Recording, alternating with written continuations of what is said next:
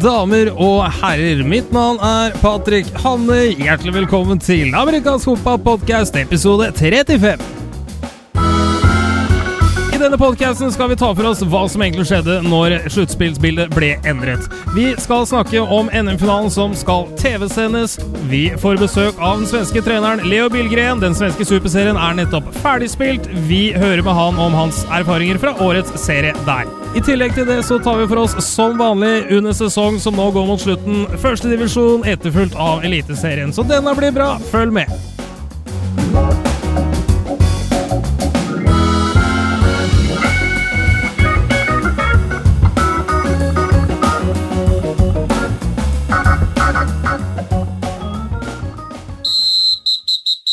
Velkommen tilbake her til amerikansk fotballpodkast. Mitt navn er Patrick Hannøy. Med meg, som alltid, redaktør av fotball.com, Jarle Magnus Henriksen. Velkommen til deg. Tusen takk, Patrick. Det har, eh, det har, skjedd litt siden sist. Det har ikke vært så fryktelig mange kamper sånn på, på tampen av uh, grunnserien eh, her i landet, men uh, det har vært litt uh, hva skal vi si, virvar rundt hvem som faktisk har fått lov til å delta i sluttspillet. Vi trodde at Trolls var ute, Bulls var inne, men siden forrige podkast så har det snudd 180 grader, og Bulls er nå ikke lenger med i sluttspillet pga. poengtrekk. Hva er det denne situasjonen egentlig handler om? Utgangspunktet her er at eh, Lura Bulls ikke oppfylte dommerkravene. Eh, de skulle ha seks eh, dommere, og de har fem. Det har de jo selvfølgelig visst lenge selv, egentlig, men jeg tror ikke det er veldig mange der som har hatt fokus på det. Så var det noe forbundet kom drassende med da i begynnelsen av mai, med svarfrist for Bulls til midten av mai. Uten at jeg tror forbundet hørte noe tilbake på det så tok forbundet en avgjørelse som ingen hørte noe som helst om. Eh, og Det gjorde det da i, mai, slutten av mai. Eh, og så kom, de, kan forbundet drassende med det da, eh, etter den, det som skulle vært siste seriekamp for Lura Bulls. Det var det jo for så vidt. De ble feid av banen av Eidsvoll. Og mens Trolls da slo Åsane i en reservepreget kamp for begge de to lagene, som eh, selvfølgelig, fordi ingen trodde den kampen betydde noe som helst. Eh, men det viste seg da bety ekstremt mye, for da fikk jo Trolls en, eh, en velfortjent må vi si det også, seier og to poeng. Mens Lura Bulls hadde jo da allerede to poeng. Og hadde også den fordelen at de hadde slått Trolls innbyrdes oppgjør, og de hadde kun ett seg imellom. Men når Lura da fikk sitt ene poeng trukket vekk, så er det jo enkel matematikk at Trolls da står med to fremdeles, mens Lura har ett. Og da har det ikke noe å si hva innbyrdes oppgjør er. Da er det rett og slett fjerdeplassen går til Trolls, og ferdig med det. Jeg har, jeg har, fått en del reaksjoner, for det her kom det ganske mye reaksjoner, og mer enn det folk eh, har sett på det store internettet også. Hvor, eh, hvor, man eh, stusser over dette med poengtrekk versus det sportslige, at det skal påvirke og sånne ting. Reglene er som de er og har vært det en stund, så det er noe man ba om å forholde seg til. Det folk reagerte, eller burde reagere aller mest på, det er selvfølgelig kommunikasjonsflyten og mangel på det. Ja, Kanskje det jeg også reagerte mest på personen her også. altså Kommunikasjon er én ting, men timingen? Altså, Den kunne jo egentlig ikke vært dårligere. Nei, den er, eh, den er, elendig, og det, det, tror jeg alle involverte vet. Eh, det vet at forbundet har tatt selvkritikk på, uten at det forandrer avgjørelsen. Og så var jo da spørsmålet, når man da forklarer dette her til eh, Trolls, etter at de egentlig har trodd de har røkt ut, så vil jeg tro det er noen som har bestilt seg ferier, og, altså legitimt, fordi de egentlig er ferdig med sesongen. Mm. Sånn at de påvirkes jo på en annen måte. De får en dårligere sjanse til å vinne sin semifinale som et resultat av det. På den annen side, de får en sjanse til å vinne semifinale. ikke sant? Så Det er jo en annen måte å tenke det på. Eh, for de får jo nå muligheten til, eh, til, å møte Oslo Vikings i, i et nytt battle of altså rivalitetsoppgjør i semifinalen i NM. Så hvordan sluttspillbildet ser ut da? Altså Sluttspillsbildet blir Trolls Vikings i semifinalen? Ja, altså, altså, sånn som det er, så er det nummer én mot nummer fire og nummer to mot nummer tre. Det er et veldig kurant oppsett som har vært i en god del år. Eh, Riktignok litt varianter i fjor hvor eh, det var eh, kvartfinale og sånne ting for moro skyld. Men det betyr at eh, nummer én på tabellen er Oslo Vikings, to av Åsane Seahawks, tre er Eidsvoll 1814, så nå fjerdeplass er da trolig nok Vålerenga Trolls. Så da er det Vikings mot Trolls, og så er det Åsane som får Eidsvoll på besøk. og Det blir en kjempespennende semifinale. Så tror de fleste at det blir ujevnt og uinteressant i Vikings mot Trolls. Jeg må jo si, når jeg så serieoppsettet etter for Domers trakk seg jo fra serien. Ja. Eh, og så kom det noen endringer. Eh, og når jeg så det serieoppsettet, så tenkte jeg oi, flott. Eh, Vikings og Eidsvoll har et eh, oppgjør. Eh, Når jeg sier flott nå, så tenker jeg på vegne av de lagene som ikke hadde, eh, hadde kamp nå siste seriehelgen. Vikings og Eaton Fortons, to sterke lag, har et eh, oppgjør hvor de får lov til å dinge løs på hverandre. Og så er det semifinale. Det vil si at de to andre lagene som har semifinale, hvis de er gode nok, så har de en kjempefordel i at de har frihelg. De har en, de har en ekstra uke på å lade opp til den kampen, Ja. og motstanderen deres blir mørnet i tillegg. Litt usikker på eh, om Vikings ble mørnet godt nok til at eh, Trolls eh, tar, tar dem, men eh, Trolls må i hvert fall ha troen på det. Absolutt. Akkurat de kampene du refererte nå, de skal vi ta for oss litt senere i podkasten, som vanlig. Men vi kan jo også nevne noe positivt som har skjedd nå siden forrige podkast. Og det er nemlig at forbundet har gått ut og sagt at NM-finalen skal, i tillegg til å da spilles på Bislett Stadion for første gang siden 1957, var det riktig? Det er riktig. Så skal den også TV-sendes. Dette er jo noe vi i eh, Norge har drømt om i, i mange mange år, men nå er dette her altså en, en virkelighet. Hva, hva vet vi om, om prosessen rundt dette, her, Magnus? Vi vet eh, litt, grann, vi har snakket med forbundet, og de informerte oss i, i forkant av eh, offentliggjøringen av det. Eh, som var veldig fint, for da fikk vi sjansen til å skrive en sak og gjøre den klar. Det er ikke sånn at vi sitter eh, og jobber fulltid, så vi har liksom ikke mulighet til å ta ting på sparket det, så det var veldig bra. Eller jobber fulltid, men utenom Eh, arbeidstid, det er vel det du sier? Ja, det er riktig, vi jobber netter. Eh, Men eh, den ble da sendt på TV2 Sportskanalen. Og der har forbundet da gjort litt sånn svenske varianten, det som Sverige har hatt eh, hva er det for noe, to år. Hvor de betaler en kostnad for å få det sendt. Altså de, de tar en del av produksjonskostnaden, eh, sannsynligvis en stor del. Mm. Og så er det sånn at eh, TV-kanalen da får et produkt som her, dette kan vi sende. Og så er det litt samarbeid med f.eks. Eh, reporter og sånne ting. Hvor TV 2 stiller med For de vil selvfølgelig ha folk som vet hva de driver på med, så det er i hvert fall én fra seg selv. Og så har de fått eh, holdt si en fra oss, men en fra amerikansk fotballmiljø, nemlig Travis eh, Cornwell. Han var jo med på sendingen vår i fjor og gjorde det veldig bra der. Det blir interessant. Han eh, snakker jo eh, et språk som heter engelsk, så det bør være forståelig for ganske mange. Men det er klart, eh, TV 2 Sportskanalen sender ikke internasjonalt, da. så det, det er jo nordmenn som primært kommer til å sitte og se på dette her. Og selve NM-finalen, rent praktisk, den går av stabelen den 8. juli klokka 18.30 på Bislett stadion. Åpner dørene allerede klokka tre med den erkeamerikanske tradisjonen med tailgating, dvs. Si at man griller og fester litt i forkant av kampen. Og eh, alle klubbene skal nå ha mottatt informasjon om eh, forhåndskjøp av billetter, også til spesialpris for eh, våre klubber. Så har du ikke hørt noe om det, er du spiller, er du medlem, så ta kontakt med klubbledelsen, og så får du eventuelt mer info der. Gleder du deg til finalen, Jarle Magnus? Ja, jeg gleder meg til å oppleve dem på Bislett stadion. Jeg gleder meg til å se TV-sendingen i etterkant. Uh, Late som at jeg ikke har sett kampen allerede. Uh, for jeg tar opp den, eh, det kan jeg garantere. Eh, for meg så er det det aller største her, er jo helt ærlig, det er at det er Bislett stadion, historien og sånne ting. Den, jeg tror nok jeg bryr meg sykt mye mer om den enn eh, 99% av de andre som kommer til å se og følge med på dette her. Uh, kjekt at det går på TV, det er et kjempesteg forover. Eh, Fjær i hatten til de som har jobbet med det i forbundet, det er helt klart. Eh, og så, så er det en skikkelig stadion. ikke sant? Så det, det er jo kult. Det som ikke er så kult, det er hvis TV-kameraene sveiper over helt tomme tribuner. Så jeg håper at eh, Fotball-Norge kjenner sin besøkelsestid, og eh, at, at dette er jo Skal vi på en måte få et løft ut av dette her, så er, er det faktisk litt sånn lovpålagt at eh, man tar turen, eh, hvis man kan. Eh, hvis man bor i, i regionen, i hvert fall. Til uh, Bislett stadion 8. juli. OneFootball.com kommer også til å være til stede på finalen, og eh, meg bekjent så kommer vi også til å være synlig. Hvordan eh, finner folk deg, eller Magnus, hvis de har en høne å plukke med deg, og alle de dårlige previewsene du har gjort på de diverse klubbene gjennom eh, forsesongen? Nei, det er bare å høre etter De fleste har hørt på podkasten, virker det som, så da er det bare å høre etter stemmen. Men ellers så ja, har vi nok litt sånn amerikansk fotball-klær på oss eh, akkurat eh, denne dagen her, tenker jeg. Får vi se hvor mange er å plukke. Det er nok ikke så mange, tenker jeg. Den er god. Vi gleder oss uansett, Jarle Magnus. Tusen takk. Takk for det.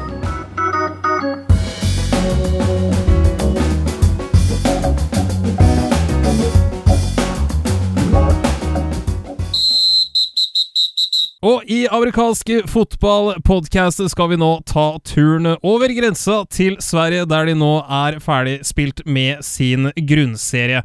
I den anledning har vi fått besøk av uh, kjær, kjære venn til amerikansk fotballpodkast, uh, årets hovedtrener for uh, superserielaget Tyresø World Crowns, Leo Billgren. Velkommen! Takk så jättemycket, kul å være tilbake. Det er kult å ha deg tilbake også, og så får vi også ønske velkommen til redaktør av fotball.com, Jarle Magnus Henriksen. Takk for det. Uh, Leo, vi får vel uh, gratulere med ditt uh, hva skal vi si, comeback på, på toppnivå som, som hovedtrener. Hvordan, hvordan, har sesongen vært? ja, jeg vet ikke om man skal gratulere. Um, den har jo vært veldig, veldig tøff om du ser til, til resultat. Tittar du i tabellen så står det 0 og 10. Jeg rent känslomässigt tycker att vi är 1 och 9 eftersom vi vann ju en match på planen som vi sen fick struken på administrativ, administrativa skäl eh, när det gäller en licens. Då. Så att vi, vi vann i alla fall en match i år. Men det är såklart stor, stor skillnad mot vad Tyresö har varit eh, ja, de sista sju säsongerna. Egentligen har ju Tyresö alltid varit i slutspel och i tre finaler bland annat. Så det, det är en jätteskillnad såklart. Vad skyldes det? Den, den, absolut, absolut största grejen är att förra säsongen var väldigt, väldigt tuff på många sätt. Det blev ganska bra till slut när det gäller det sportsliga. Väldigt, väldigt tajt semifinal borta i Karlstad. Men det var inget bra år om du ser till lagharmoni och sådana saker. Och det var väldigt, väldigt många spelare som försvann efter det året. Jag räknade lite för mig själv här och kommer väl fram till att om det var 18 eller 19 spelare som startade matcher förra året som har slutat. Det er uh, nesten hele grunnstammen til laget. Altså, når du gikk inn i den sesongen her, så du på det som et uh, Kall det rebuilding year, eller, uh, eller hva, hva, var tankene på vei inn i en sesong hvor man mistet så mange spillere? Någon slags blandning mellan kamikaze-uppdrag och Titanic-kapten kände jag mig. En sån kapten som tar över precis när det har låtit konstigt fra skrovet. Typ den kaptenen. Ungefär så. Det var en uh, særdeles god metafor. Den skal jeg huske til, til litt senere. Sånn, uh, sånn rett personlig arbeidsmengde osv. Har, det vært, uh, har det vært overkommelig? Ja, alltså jag är ju fotbollsidiot så att eh, hade jag inte lagt min tid på det här så hade jag väl lagt min tid på något annat. Eh, planen var från början att jag skulle coacha U17. Jag hade säkert lagt ner precis lika många timmar på det. Så att det påverkar vi inte så jättemycket. Lite mer resor i Superserien såklart och lite mer runt omkring eh, eftersom det är mer administration och matcher sänds på TV och såna här grejer. Men, men eh, äh, fotboll för mig, det, det er aldrig det er aldri jobbigt, utan det, det, har vært kult så sett. De TV-sendingene skal vi komme tilbake til. Jeg hadde lyst til å spørre litt innledningsvis nå. Det er andre året hvor uh, svenske superserien spilles som ren vårsesong istedenfor å bli spilt på begge sider av, av sommerferien. Hvordan, uh, mm. hvordan, er opplevelsene nå på andre året? Er dette, er dette veien videre for uh, superserien? Jo, men det tror jeg. Man skal vel si at det er, først, det er andre året denne vendan. Det har skjedd tidligere at man har hatt det opplegget. Eh, och då var finalerna nästan alltid eh, i början på juli. Så det är en återgång till ett system som vi hade på 90-talet till exempel. Eh, jag tycker att det är ett bra system för att du får en, en ganska så kort och komprimerad säsong. Eh, ekonomiskt är det bra för föreningen att inte ha amerikaner som, som går och degar en månad här och sen ska spela igen efter, efter sommaren och få lön. Eh, plus att det är lätt att sälja in till spelarna att det är kort och det är intensivt och, och, sen så kan du lägga tid på familj och jobb og sånt der igjen. Så jeg, jag tycker at som helhet er det positivt. Og Parallelt med at det er andre året med ren vårsesong, så er det også andre året hvor superseriekampene vises på TV, nærmere bestemt TV4 og konseptet Friday Night Football. Nå er det andre året hvor dette har blitt vist på, på TV. Hvordan, hvordan er interessen? Har du noen formening om det? Ja, alltså til å börja med skal man si at årets sändningar är klart mycket bättre än förra året. Så själva produkten som ställs ut, om man bortser från att matcherna är aldrig något spännande, men, men själva sändningen är faktiskt riktigt bra i år. Eh, så att, så att, vad, är forskjellen där, Leo? Det är ett annat produktionsbolag. Det är, det är Seymour som producerar och som är huvudsändande nu istället för TV4 Sport. Jag tror att de har lite större resurser och de är dessutom lite eh, de har tagit lärdomar av saker från förra året så att, så att matcherna känns mer proffsigt arrangerade og sända om man säger så. Så den biten er bra. Så som å ikke bytte kameravinkel midt under spel og sånn? Ja, men precis. Inte zoomar in på D-line under snap, eh, precis vid snappen og sånt der, som det var litt grann før. Eh, Leo, Leo, spørsmål her. fordi eh, Jeg var inne på noe som heter Twitter her om dagen. Og bare ja, la jeg merke til at, at, du henger rundt og, og, har noen kommentarer. Og Da kommenterte du litt rundt dette med TV-sending. Pros and cons. hvor positivt er det egentlig? Ja. Vi tenker ofte på TV-sendinger som det er fantastisk, alle verden får se oss. Eh, men så påpekte det vel du også blant annet noe med at de får også si at det er tre mann som sitter på tribunen. Eh, eksempelvis. Ja, men lite så. Kan ikke du fortelle litt, hva, hva er tanken din, eh, hva er bekymringen for hvor bra det er å sende dette her? For å kunne svare på det eh, fullt ut så skulle jeg behøve se hva det er for tittarsiffror i år. Om de har gått opp, altså tv-tittarsiffrorna og streaming-tittarsiffrorna, om de är bättre än förra året så att det är en, en tillväxt där, då kan det ju vara värt det så att säga. Men eh, eh för, för de lagen som har hemmamatchen så är det ofta som så att det är ganska mycket mer jobb och man får en klart mindre publik eftersom stor del av vår publik fortfarande är människor från andra lag. Det är så att säga inte fans utan det är folk som eh, finns i närområdet som är aktiva i en annan förening. Ursäkta. Och eh, finns matchen på TV, ja då kanske man inte sätter sig på bussen och åker ut till Tyresö till exempel för att se matchen. Då kan man sitta hemma i vardagsrummet istället. Och då tappar man mycket av den där grundpubliken av fotbollsidioter. Så det är risiko för att folk sitter hemma istället för att komma på, på, på, på kampen då? Helt overbevist om at det er så. Men For å da ta for oss selve produktet som er blitt vist på TV, da. Superserien, eh, grunnserien 2017. Altså, fra her vi sitter uh, i Norge og vi ser på tallene, så viser det seg å, å, å se ut som en særdeles lite jevn superserie i år. Altså, vi har jo uh, kamptall som 70-0, 61-0, 54-0, 43-0. Altså, er det, er, det, er det virkelig så stor forskjell på lagene i årets superserie? Ja, det är det. Och egentligen kanske ännu större skillnad för att vi har ju eh, den här så kallade Mercy Rule. Så att klockan börjar rulla efter 35 poängs differens i en match. Vilket har gjort i ungefär 7 av 10 av de tv-sända matcherna och det är kanske inte superbra PR får man väl säga. Varför har det blivit sån? Ja, det är en väldigt bra fråga. Dels är väl fotboll inte något speciellt eh, vad ska jag säga, det är inte speciellt förlåtande. Du kan inte ha en bra målvakt som som eh, så att säga, räddar upp siffrorna. Utan är ett lag mycket bättre så blir det också att det drar iväg väldigt mycket såklart. Eh, och sen är det så att Karlstad är helt överlägsna. Så alla deras matcher är egentligen helt ojämna. Och sen så är det ganska tydliga segment där under. Örebro är väldigt tydlig tvåa. Eh, får ordentligt med stryk av Karlstad men är väldigt mycket bättre än alla andra. Som helhet så tycker jag att, att serien är klart mycket sämre än för ett par år sedan. Har du gjort deg noen tanker om, eh, om hvorfor?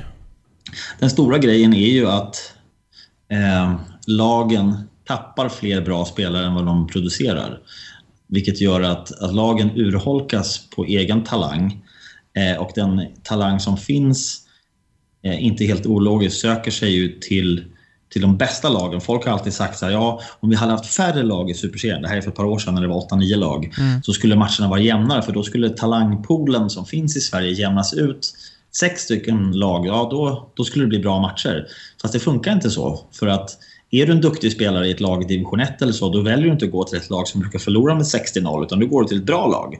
Vilket gör att Karlstad och Örebro blir ännu bättre för att de är mest attraktiva. Det är dit man söker sig om man ska flytta från Kristianstad eller något sånt där. Nå er dere nede på seks lag, så det er ganske tydelig at det ikke har noe med, med antall lag i Superserien å gjøre. Men det som jeg syns er litt interessant med, med svenske divisjonssystemet, er at for i år da, så var det seks lag i Eliteserien, og så er det ett nivå under med hele 22 lag. Eh, burde man mm -hmm. kanskje vurdert å hatt et, eh, et nivå imellom der? Det har vi hatt. Det fanns något som hette Superettan en gång i tiden. Det har också funnits division 1A och B. Eh, det har funnits division 1, 2, 3. Det har funnits tusen olika, olika lösningar. Tyvärr är det väl som så att eh, allt det där är att, att lite grann försöka täta ett, ett eh, läckande skepp med både stortå och tumme. Sådär. Men, men faktum är att eh, landet är väldigt stort resemässigt och eh, lagen ligger lite glest. Och eh, det är för få lag som är tillräckligt bra och eh, har tillräckliga liksom, organisatoriska resurser för att spela på en superserienivå. Alla andra är, är verkligen någon slags hobbylag. Mm. Och då är det svårt. Jag menar, har du en superetta, då blir det som att spela i en sämre superserie. Det blir resor och det blir ett större commitment. Ja, då kan man lika gärna spela i superserien så att säga. Det är bara att titta på oss och Limhamn. Det var väl inte någon som tyckte att det osade superserien om oss i år. Kunde lika gärna spela division 1 så att säga. Har, har, dere gjort dere noen tanker der borte i forhold til uh, hvordan man uh, kommer ut av denne situasjonen, her, hvor du har ett, to lag som virkelig totaldominerer alle andre? Altså, se, ser man noen vei ut, ut fra den situasjonen? Ja, alltså, det finns ju flera olika saker som måste ske samtidigt. Klubbarna måste bli duktigere på egen rekrytering och egen talangutveckling. Och det är naturligtvis ingenting som man gör på en kväll utan det är, det är ett långsiktigt arbete. Eh, på vissa ställen tycker jag det går åt rätt håll. Jag tycker ett lag som Stockholm Machine som historiskt har levt väldigt mycket på spelare utifrån till exempel. De gör ett bra jobb på juniorsidan nu. Där kommer det upp fler talanger. Så det är en väg. Sen är det såklart att de lagen som ligger lite längre ner i tabellen, de måste göra sig själva attraktiva. Det vill säga, de måste vara duktiga på organisation, de måste kunna erbjuda spelare utifrån så att säga, en bra deal. Vad, vad, vad är det för paket man kommer till om man väljer er? Så att inte bara Karlstad och Örebro känns intressanta. Och Sen så tror jag att det skulle vara bra om man begränsade antalet importer mer. För att de lagen som är bäst är också de som har mest resurser. Så de har råd att inte bara ha bäst svenska spelare utan också ha flest och bäst utländska spelare. Vilket gör att gapet blir ännu större. Vad ligger antal importer på i Sverige nu? Alltså du kan ha totalt sett åtta stycken, men du, du kan max ha två stycken nordamerikaner. Och utom, förutom dem kan du ha sex andra. Har du inga nordamerikaner så kan du ha åtta övriga, så att säga, eller en amerikan och sju övriga. Eh, är det däremot, nu, nu är det ingen som har det tror jag, men EU-spelare som, som är professionella, då kan du ha hur många som helst utav. Det går inte att begränsa alls, men det, det är ju väldigt mycket pengar så det är ingen som har det. Nei, det er en litt, litt annen situasjon enn det har vært vant til her de, de siste årene. Du nevnte Mean Machines. Er det det neste laget som på en måte er på vei opp nå, tror du, eller er det noen andre vi må holde utkikk etter? Ja, nei, men altså, det er klart, Stockholm har gjort en bra resa. Eh, eftersom de har vært riktig, riktig dårlige under, et langt, eh, under en lang periode her nå. Eh, man skal vel ändå, kommer inte jag bli ännu mer populär i Stockholm Machines kretsar kanske, men, men eh, mycket av deras framgångar är ju byggt på eh, resurser och hjälp utifrån. Tittar du på spelare som har Machines bakgrund som, som startar för dem så är de väldigt, väldigt få. Utan det är ju spelare från, från STU och det är importer och sådär som har förstärkt deras lag väldigt, väldigt mycket. Eh, inget, inget ont om det, men, men det är ju någonting som är väldigt för stunden. Då måste man fortsätta vara het, fortsätta vara attraktiv, fortsätta ha resurser för att de ska stanna på ett annat sätt än om det är spelare som är så att säga homegrown. Avslutningsvis, Leo, da er eh, sesongen over for din del. Tar du, tar du semester nå, eller hva, hva gjør du fremover? Ja, semester och semester. Lite semester blir det väl, men här under sommaruppehållet så, så jobbar jag med eh, avslutningen av Top Gun Academy som vi har pratat om lite tidigare. Ja. Och sen så i eh, augusti så drar ju U19-säsongen igång. Så då, då börjar allvaret igjen. Så du, du gir deg ikke på, på det her, med andre ord? Nei, nei, nei, absolutt ikke. Den er god. Da sier jeg lykke til med videre coaching utover høsten. Tusen takk for at du tok deg tid til å komme på podkasten, og jeg er ganske sikker på at vi, vi ses igjen til eh, høsten. Og Jarle Magnus, tusen takk for at du var med oss. Takk for nå. Takk så jättemycket.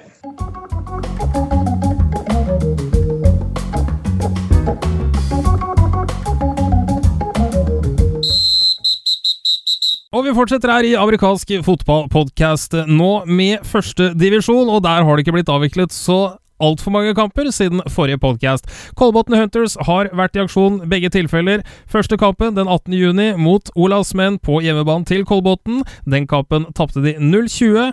Og så var det en siste kamp mot Kristiansand Gladiators, nok en gang hjemme på Kolbotn, som ble til et sluttresultat noe overraskende, vil kanskje noen si. 7-6 borteseier til Gladiators. En relativt knepen borteseier der. Redaktør av Fotball.com, Jarle Magnus Henriksen, hvis vi tar for oss da den første kampen. Kolbotn Olavsmenn 0-20, altså solid borteseier til Sarpsborg der. Var det egentlig overraskende for noen?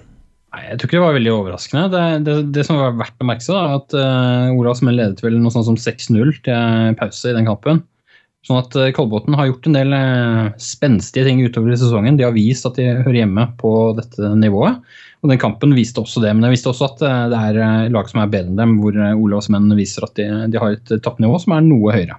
Og den eh, neste kampen, som vi egentlig bare går rett til, der ble personlig ble jeg ganske overrasket. Jeg hadde sett for meg en mye mer solid seier fra Kristiansands side, men det ble altså knepent 7-6. Kampen avgjort da på ekstrapoeng. Hva, hva, hva skjedde her?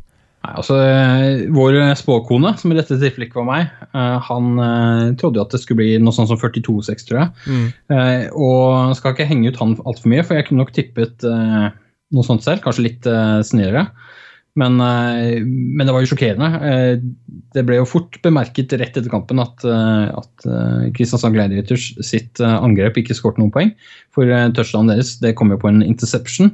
Et spill hvor det kastes en, nesten en swingpass. Det er en, en horisontal pasning på vei ut på sidelinja. Der er det en Kristiansand-spiller som får tak i den, og det er kort vei inn til Enson, så han mm. løper inn den. Og så skårer de noe som heter ekstrapoeng, som Kolbotn ikke hørte om i denne kampen. I hvert fall ikke fikk til. Eh, men Kolbotn svarer jo. De svarer jo. Eh, de har liksom slitt hele kampen, og så kommer de og, svarer. Og, eh, Pontus Rolander, som vi har skrutt mye av før sesongen, og, og som har vist hvorfor vi har skrutt av han, han løper inn en lang touchdown, seks poeng.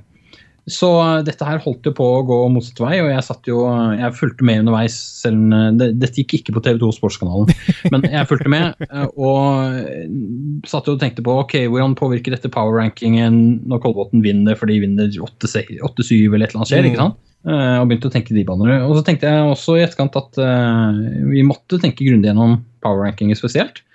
Eh, var dette godt nok til å f.eks. gå forbi Olavsmenn, som eh, vi kanskje husker tapte 54-7 sist gang de møtte Gladiators. Så vet vi at det er litt andre faktorer inne i bildet. og uh, En av de beste spillerne til, til Kristiansand, Kai Daniel Tobiassen f.eks., han hadde reist til Asia, for han orka ikke tenke på den kampen. Jeg vet ikke hva det gikk i. Jeg har jo mine synspunkter når det gjelder ferieavvikling, da. Men Poenget er eh, Gladiators har gått 6-0. De har eh, vist at eh, de er det beste laget. Og så tenker jeg at denne kampen her viser også at uh, noe opprykk til neste år, det er ikke veien å gå. Så sterk er det ikke ennå. Nei, men Der er du inne på noe, noe ganske vesentlig. For nå er altså førstedivisjon for året 2017 ferdigspilt, og det må jo være noen lag som vurderer fremtiden sin i forhold til sesongen 2018. Kristiansand har jo vunnet serien eh, ganske klart, med seks spilte kamper og seks seire. Og de har jo også vært i Eliteserien, og det var ikke så fryktelig lenge siden sist gang. Um, hva, hva tror du de gjør nå? Nei, jeg tror de fortsetter planen sin, som er å rykke opp om noen år. Altså vil si at de fortsetter å bygge og rekruttere inn til laget. Og sørge for at uh, de har en eh, god base der som gjør at de ikke går på noen smeller. Uh, skal det også sies at uh, ja, de vant seks kamper. Se på snittscoren. hvis du ser antall poeng de har skåret, antall poeng de har sluppet inn, og så får du da det mellomliggende. Mm. Deler du det på antall kamper så er det eh, 16 poeng, altså to touchdowns og to, to two point conversions. Det er ikke fryktelig mye over de andre lagene, altså. Så eh, de er nok der de trenger å være nå, og så skal de bygge seg videre oppover. Og så vet vi at Olavs menn eh, gjorde også ting sterkt underveis. Uh, overrasket ikke sykt mye, men akkurat nok til at det ble en plass opp fra der vi trodde. Men det skyldes også til dels at Haugesund Hurricanes oppnådde aldri å vise det potensialet som vi så på rosteren og så at de hadde, eh, men aldri fikk ut. Kolbotn Hunters, eh, vi tippet at de kom til å vinne én kamp og tape fem. De vant to og tapte fire. Eh, den kampen vi tippet at de kom til å vinne, det mener jeg husker var mot Haugesund mm. hjemme. Det vant det. Så mm, nei, det, det, har vært en positiv overraskelse uten at det var liksom det var ikke hurra, hurra meg kjempebra, men det var, det var, bra nok til at de også har fått troen på at hei, Mm, dette kan vi bygge videre på. Og Det er sånn som du også har formulert, at det var godt at de fikk bekreftet at de hører hjemme i førstedivisjon? Ja, det er viktig å få bekreftet. Eh, I hvert fall enten at man, man, er bedre og kan rykke opp, eller at man, eh, eller at man holder det nivået som, som, andre kanskje ikke tror på, eller man selv har vært usikker på. Det er en veldig fordel, bl.a. med tanke på denne stabiliteten i seriene våre. For det er noe vi ønsker. At, ja. at, vi skal ha en eliteserie som er stabil, vi skal ha en førstedivisjon som uh, er stabil nok, og så skal ha en andredivisjon hvor lag kommer og går litt, og kommer inn og får testa seg ut, og så er det noen som forsvinner vekk, som vil la alltid være. Og så er det lag som bygger seg opp gradvis, og da kan gå videre oppover i systemet. Eh, om det blir det allerede neste år, det er litt eh, tidlig å si. Eh, jeg tror det viktigste er at vi ikke mister Haugesund ned til andredivisjon f.eks. Det hadde vært eh, uheldig for førstedivisjon, jeg tror heller ikke det er veien å gå for uh, Haugesund. Men du tror altså Haugesund velger å, å bli der de er, eller er det litt tidlig å spekulere? De, jeg vet ikke om jeg har nok kunnskap til å, til å vite hva de tenker rundt det. Eh, det her vil ha, avhenge en del av hvordan uh, offseason og forrige Eller offseason egentlig, for det er jo på en måte da de må ta valgene. Uh, hvordan den går for dem, og hvordan de da ser at spillerstallen utvikler seg framover mot 2018. Men når vi først er inne på det, så kan vi vel eh, prøve å dippe tærne litt ned i eh, andredivisjonsvannet. For det er jo de lagene som eventuelt kommer til å rykke opp. I en uh, førstedivisjon. Og der har vi en uh, klar serievinner i Vålerenga Trolls sitt andre lag, etterfulgt av Gjøvik Swans, hvis eneste tap gikk da mot nevnte Trolls. Håper jeg. Ja, det er riktig, det. Og, og, så har du videre nedover. Du har Fredrikstad Kings, Oslo Vikings sitt andre lag, Tønsberg Raiders osv. I fjor så var det Tønsberg Raiders mm. som bak Kristiansand Gladiators var kanskje mest aktuelle. og De fikk altså tilbud om å rykke opp i, i første divisjon. Det valgte de å takke nei til, og det skal jeg jaggu meg være glad for, hele gjengen. Sånn som denne sesongen har gått for deres del. Ikke minst de selv. Så um, de gjorde det riktige valget der. Og så kan vi se på Fredrikstad fantastisk sesong ut fra det utgangspunktet de har hatt de foregående årene. Ja. Eh, kjempepositivt. Eh, de har nok ikke begynt å tenke førstedivisjon ennå. Det mener jeg at jeg så noen kommentarer på dette internettet eh, om at de, de, ikke helt var der ennå. Det tror jeg er fornuftig valg. De går tross alt med minus 26 poeng i, i skåringsmargin, pluss og minus her. Mm. Gjøvik har jo, det er jo interessant, for vi tenker jo de gjorde det kjempesterkt. Og så sterkt at de bør tenke på opprykk. Og så kikker vi på scoren. Jeg egentlig begynte å kikke på det akkurat nå. De har egentlig nesten identisk scoreforskjell som det Kristiansand har. Ja. Vi snakket jo nettopp om at Kristiansand ikke var klare for Eliteserien. Så er Gjøvik klare for å rykke opp? Ja, det, det fine med Gjøvik er at de ser ut til å ha en stor spillerstall, og de har, liksom, de har junior på gang. Det, er, det skjer ting som går rette veien. Jeg tror kanskje det kan være fordelaktig at eh, de venter én sesong til før de tar et steg opp. For Trolls sin del så kommer jo da spørsmålet får de da i det hele tatt lov til å spille i førstedivisjon, og det vil jeg jo absolutt mene at de kan, og så får vel eventuelt Trolls selv ta stilling til om de ønsker å administrere to ellevemannslag i serie samtidig.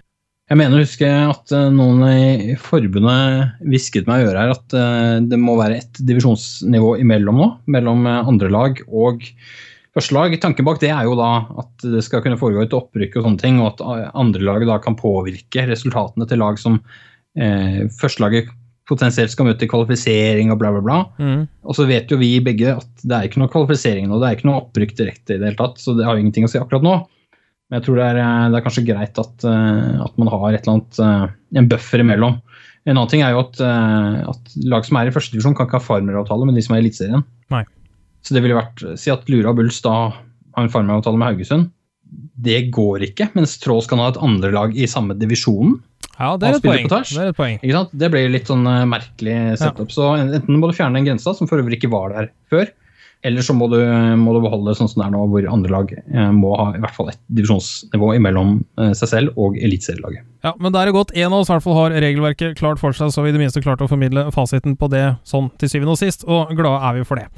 Da tror jeg vi egentlig bare runder av førstedivisjonsrunden vår der. Nå blir det tross alt et år til neste gang, men uh, erfaringsmessig så kommer det til å gå fort, og vi kan egentlig allerede bare begynne å glede oss. Jarle Magnus Henriksen, tusen takk til deg. Takk for nå.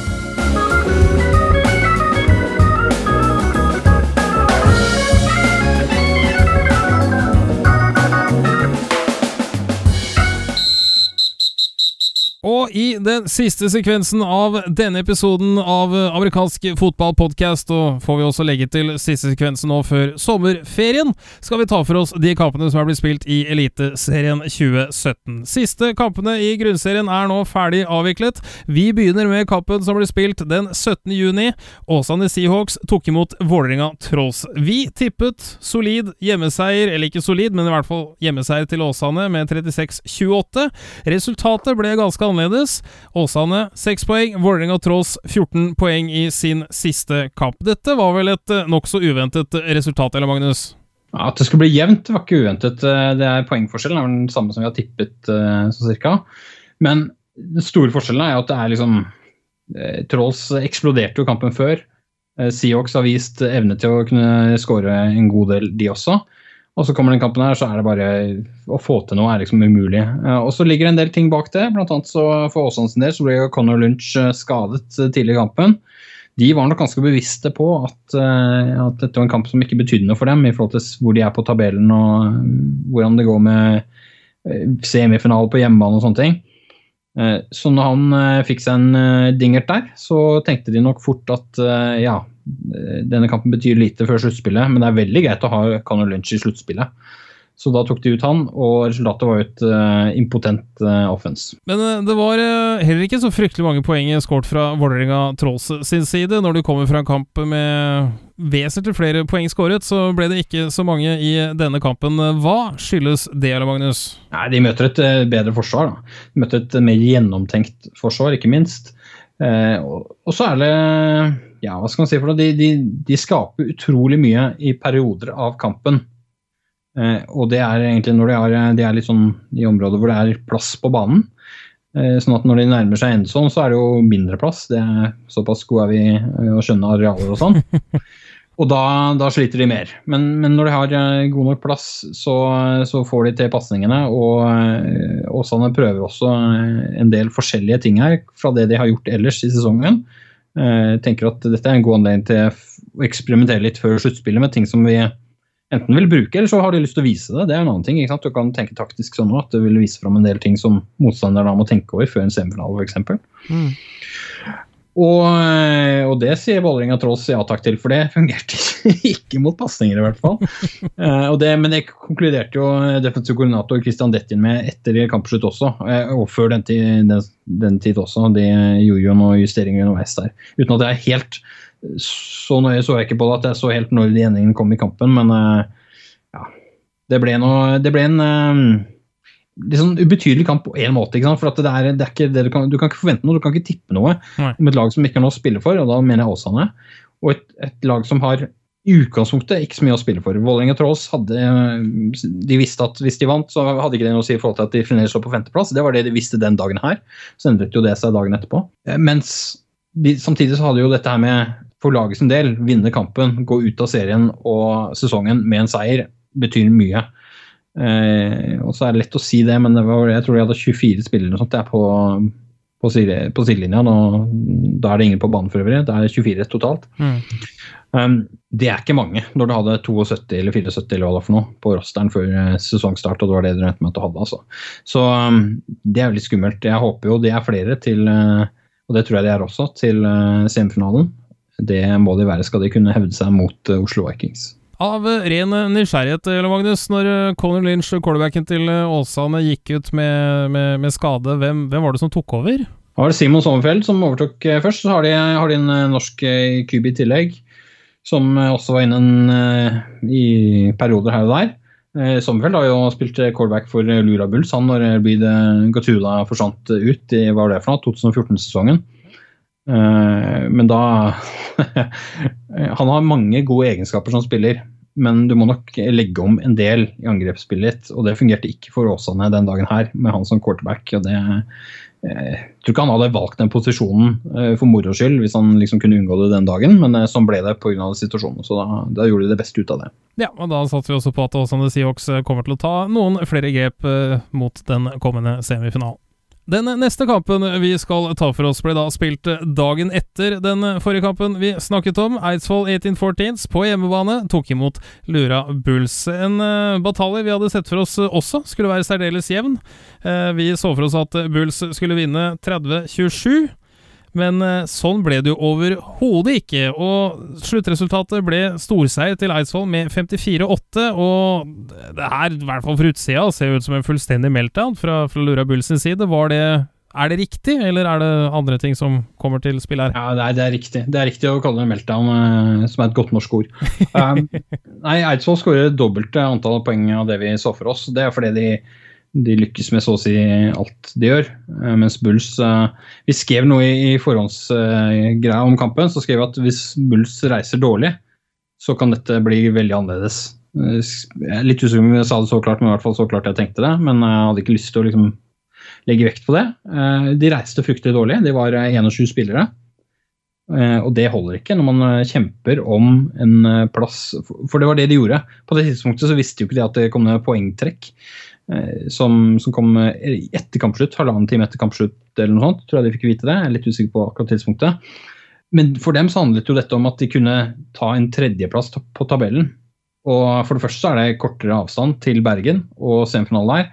For det andre så er det kanskje en større sjanse til å vinne mot Åsane enn det er til å vinne mot Oslo Vikings i en semifinale. Jeg er nok sånn, kan snu det begge veier. da. Tipper at Oslo Vikings, er, hvis de kommer til NM-finalen, er stappa fullt på NM-finalen. Så skal de først slå det laget, så er kanskje semifinalen et bedre sted å gjøre det.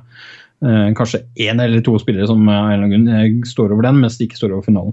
Men Bull stiller opp med 21 spillere, og da Jeg vil ikke si at de får som fortjent, men de, de, de blir slått ut. Og, og jeg tror også om de hadde hatt full tropp, så hadde de nok allikevel slitt. For veldig mange av starterne var faktisk eh, til stede. Det er ikke sånn at det var en haug med backups eh, som reiste. Det var noen backups, og så var det en god del av starterne. Jeg tror de mangla seks startere totalt. Eidsvoll fikk til det de ville få til, og de fikk, eh, de fikk involvert flere spillere på en annen måte enn det de gjorde mot Åsane hva er det for noe, en helg eller to helger før. Så det, det, var, det var, bra fra deres side. Jeg har jo en, et forhold til, til Bulls som gjør at eh, jeg syns det er et fælt resultat. Eh, det paradoksale her er at eh, når man da plutselig ikke lenger får spille semifinale, så er det kanskje Det hadde nok vært kjipere, tror jeg, hvis man tapte 30-27 for 1814s, mm. enn hvis man taper 54-8 og blir slept av banen omtrent. altså. Ja. For da er det liksom, ok, det er, det er aldri noe lag som har vunnet NM-finalen etter å ha tapt 54-8 underveis i sesongen. Altså. Så hvor er liksom mulighetene når man, når man, gjør det på det viset? Jeg synes også Det er litt sånn det er synd for, for seriens del at vi får ujevne kamper. Eh, de aller fleste kampene har vært jevne. og Hvis vi ser liksom på tabellen og antall poeng pluss og minus, og sånne ting, så er det fremdeles en jevn serie i Norge. Men den er hakket mer ujevn enn det vi har sett de siste par årene. Hva skyldes det, tror du, uten at vi skal gå altfor dypt inn i den diskusjonen? Ja, det skyldes jo en kombinasjon av flere ting, men, eh, men eh, Vikings har jo eh, altså For det første, lagene er litt, Vi må analysere mer på det, men Vikings er jo hakket skarpere enn de andre lagene. Det er ganske tydelig. Sånn at De har vunnet 37-0, 38-0, 31-0 og sånn. Det, det i seg selv er nok til å dra de oppover og vekk fra resten av gjengen. Nå snakker vi da snitt per kamp i, i poeng og sånn. Uh, det vi ikke ser, er, som mange andre serier har, det er den der bunnen, hvor det er eh, noen lag som er veldig langt bak de andre. Uh, det, er, det er fremdeles ganske jevnt i norsk toppserie. Og så har vi Vikings som har dratt ifra i år. Uh, og så syns jeg at serien er svakere totalt sett. Men jeg sier det, så så jeg jo Eidsvoll spille, den kampen kommer jo til nå. Eidsvoll spilte jo hjemme mot Oslo Vikings. Eh, hvis man ser den kampen isolert sett, så er inntrykket litt annerledes. Der syns jeg det er ganske bra. Mm. Det er bra intensitet, det er mye bra spill, mange gode spillere underveis uh, som gjør prestasjoner. Som er, er, er, fine å se på. Så ser man den kampen isolert, så tenker jeg oi, dette ser ut sånn som det så ut for to, tre, fire år siden. Mens vi ser, ser vi brorparten av kampene, og dette har vi diskutert litt uh, flere også, bl.a. de som Brage som lager statistikker og flere andre. Vi ser vel liksom flere kamper fra tidligere sesonger, og da er vi tilbake til 2012, 13, 14, 15. og så ser vi det opp mot 2016, 2017, så er det et hakk eller to ned. Og Da tenker jeg vi egentlig bare kan uh, gli fint inn i den uh, siste kampen uh, som er blitt spilt siden forrige podkast. den 25. juni, Eidsvoll 1814s på hjemmebane nok en gang, som de gjerne er i slutten av sesongen, tok imot Oslo Vikings. Vi spådde seier til Vikings 33-14, og spreaden var sånn tålelig riktig, men sluttresultatet ble da 20 til Eidsvoll, 37 til Vikings. Det er noe mer jevn affære denne kampen enn foregående, kan vi si. Ja, det er jo eh, forskjellen at Eidsvoll skårer 20 poeng. De skåret null sist, liksom. Så fint at de fikk det totallet foran null.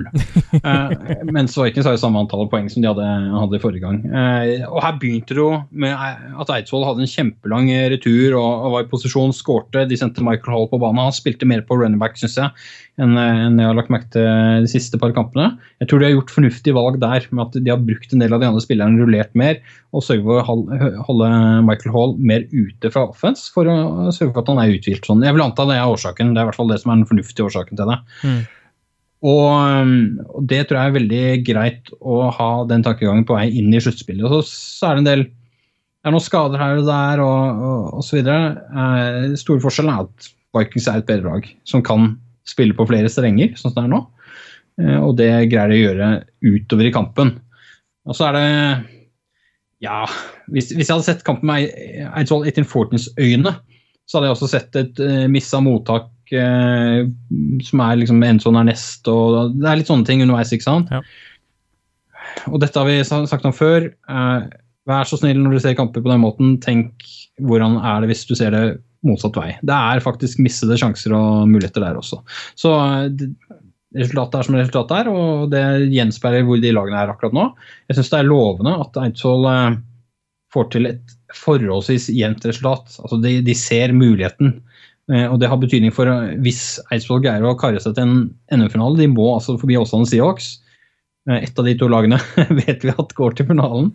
Eh, og, og, så vet vi at eh, Eidsvoll kan i hvert fall gi Vikings en kamp når de kommer dit. Åsane har jo da Hva var det de tapte? 38-0. Ja. Eh, de er et sterkere lag enn de var når de spilte borte mot, uh, mot Oslo Vikings. Så kommer de til en NM-finale, så tror jeg ikke de har gitt opp av den grunn. Men uh, jeg tror nok de er bevisste på at det blir tøft, ja. Eidsvoll, eh, i hvert fall sånn på, på, papiret, kan det nesten eh, se ut som Altså, det fremstår jo ujevnt. Altså, du, du spiller en, en, kamp eh, borte mot Oslo Vikings, og du putter ingen poeng på tavla, og så går det tre uker, og så skårer du 54. Altså, er det, Gjør Eidsvoll egentlig det de alltid har gjort, og det er motstand som varierer, eller er det Eidsvoll i, i, i godt sig nå? Det er et godt sig, for de har en større intensitet i det de gjør enn det de, de hadde innledningsvis, syns jeg. Det var mye som ikke var sånn som det burde der. Jeg, jeg kjenner igjen Eidsvoll nå. Det er, eh, det er liksom elleve småsinte Riley Bowen-personer eh, som, som, løper rundt der. Og, og, og de, de, spiller for hverandre òg, det syns jeg syns. Um, syns jeg syns, ja. Ja, det gjør jeg. Uh, så det, det, er litt uh, det, det, er bedre enn det det var. Eh, de gjør ganske mye av det samme. Det er ikke, det er ikke sånne store taktiske endringer. Det er ikke veldig store grep der. Og, og jeg tror nok kanskje er å ha litt flere trikkspill i ermene den ene eh, pasningen ut til Arne Augusten kaster videre. Altså. Mm. Uh, i hvert fall uh, samme, Det er noe, av og til noen taktiske valg. altså Når man gjør handoff og når man gjør fakes og sånne ting som er litt sånn Kanskje skal de se litt på rytmen i det. Mm. Men, eh, men, sånne ting er ofte en, en, noe en playcaller må føle seg fram til. Uh, enten har man en rytme, eller så har man ikke en kamp. liksom. Så summa summarum, eh, de er et bedre lag nå enn de var innledningsvis. Og det er mange av de unge spillerne som er veldig spennende. Sånn at alle de som vi var usikre på i begynnelsen av sesongen, det er en del der som har fylt inn roller for spillere som nå er vekke. Så fremtiden er spennende for Eidsvoll 1814s. Uh, og med det så er faktisk grunnserien 2017 eh, ferdigspilt. Det har gått fort, samtidig ikke. Vi har uansett et sluttspill å se fram imot, og skal vi tørre å våge oss på noen uh, ja, noen previews der, eller Magnus? Ja, kan vi godt. Da kan vi begynne med den første kappen. Det er da nummer én mot nummer fire. Lokaloppgjør i Oslo. Oslo Vikings tar imot Vålerenga Trolls. Hvordan tror du den kampen ender? Jeg har en mistanke om at Oslo Vikings vinner den kampen. Ja. Og det var det? Var det noe mer? Var det noe mer? Nei, for så vidt ikke. Det er greit. Da kan vi gå videre Nei, jeg, jeg, jeg, ja. personlig, jeg kan jo si det da, personlig så håper jeg at uh, Trolls gjør en del spenstige grep, og noe skjer, og uh, at de får til det pasningsspillet som de har hatt gående noen kamper nå. Det hadde vært utrolig kjekt for kampbildet sin del. Jeg har en mistanke om at Oslo Vikings er, tar dette seriøst nok til at de ikke går på en kjempeblem. Og det, det vil være en av tidenes største blemmer hvis de ryker ut i semifinalen nå. Den andre kampen eh, eventuelt da, eller ikke eventuelt, det blir jo faktisk en kamp. Det er eh, Åsane Seahawks som tar imot eh, Eidsvoll 1814s. Den knytter det seg litt større spenning til. Ja, definitivt. Her er det Og jeg er litt spent på hva vi kommer til å tippe. Jeg er litt usikker, Det er ikke sikkert det er jeg som skriver previewen på den kampen, så det er muligens Sveinung som skriver den. Da vet jeg ikke hva han kommer til å tippe. Hvis jeg skulle tippet den, så ville jeg sagt at uh, jeg tror Eidsvoll vinner. Uh, og så uh, da, blir, da, sitter de i Åsane og sier ah, ja, ja, das ist gut! For da, da, vet de at de har sjansen til å være underdogs enda en gang. og det er helt riktig, det har, det, det har, de da, i mine øyne. Men de kommer til å være blodforberedt på den kampen. og de, de, kommer til å stille med det de har, fordi de skjønner at dette er, liksom, det er sjansen i finale. Og det er ingen bergenslag som har vært i en NM-finale for senior herrer noen gang. Nå har de sjansen til det. Åsane Seahawks har sjansen til det. Ikke Bergen Storm, men Åsane Seahawks. Hvem hadde trodd det for noen år siden? Det, er, det, er, kanskje Trygve Vitalhaug, det. Og Jon Bakken, Jon Bakken selvfølgelig. Må ikke glemme det. Oh, den streamen kan vi glede oss til allerede nå, kjenner jeg. Ja, det, jeg håper han streamer eh, på bakrommet. Selv om TV2 sender kanalen eh, sender kampen, så håper jeg at eh, Jon streamer bare sånn at vi kan høre det i etterkant med hans reaksjoner. Det hadde vært ganske morsomt. Absolutt. Eh, jeg skal utfordre deg på én ting, og det er det som du alltid sier til alle andre, eller gjerne utfordrer meg på når du er så minst mulig forberedt. Hvorfor vinner Eidsvoll den semifinalen? Fordi de er et De har noen spillere som har et høyere toppnivå enn det Åsane Siox har det Åsane sier også har hatt uh, å sette ut som et, mm, i sesongen. og Nå, nå stjeler jeg egentlig litt fra en spiller jeg har snakket med i et annet lag enn disse her. og nå Ikke fra Bulls eller for den saks skyld. Skal ikke si så mye mer enn det. Uh, men det er ikke så mange igjen, da. nei, det er ikke så mange igjen, men jeg sier ikke noe mer enn det.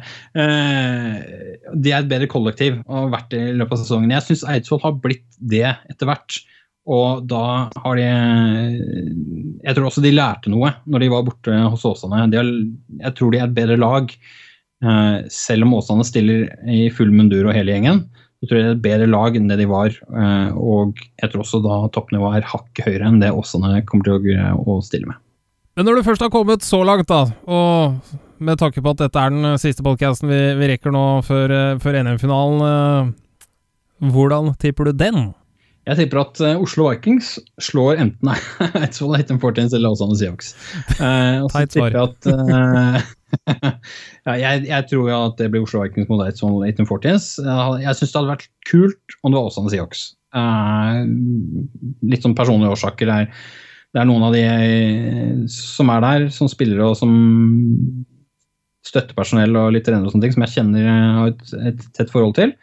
Eh, og Av den grunn så kunne det vært kjekt. Eh, og så eh, tror jeg at Vikings er et for sterkt lag. uansett hvilket lag de møter nå i NM-finalen. Blir det et annet resultat, så er jo det en utrolig historie. Altså, Hvis Åsane vinner den finalen, så er jo det en, en, et eventyrhistorie. Det var Simon Sommerfeld som sa en fairytale, kalte han det. Mm. I et intervju for fire kamper siden, tre kamper siden, et eller annet sånt. Og det har han helt rett i. Det er jo en historie som vi blir nødt til å skrive sant, for å ha liggende. Ja.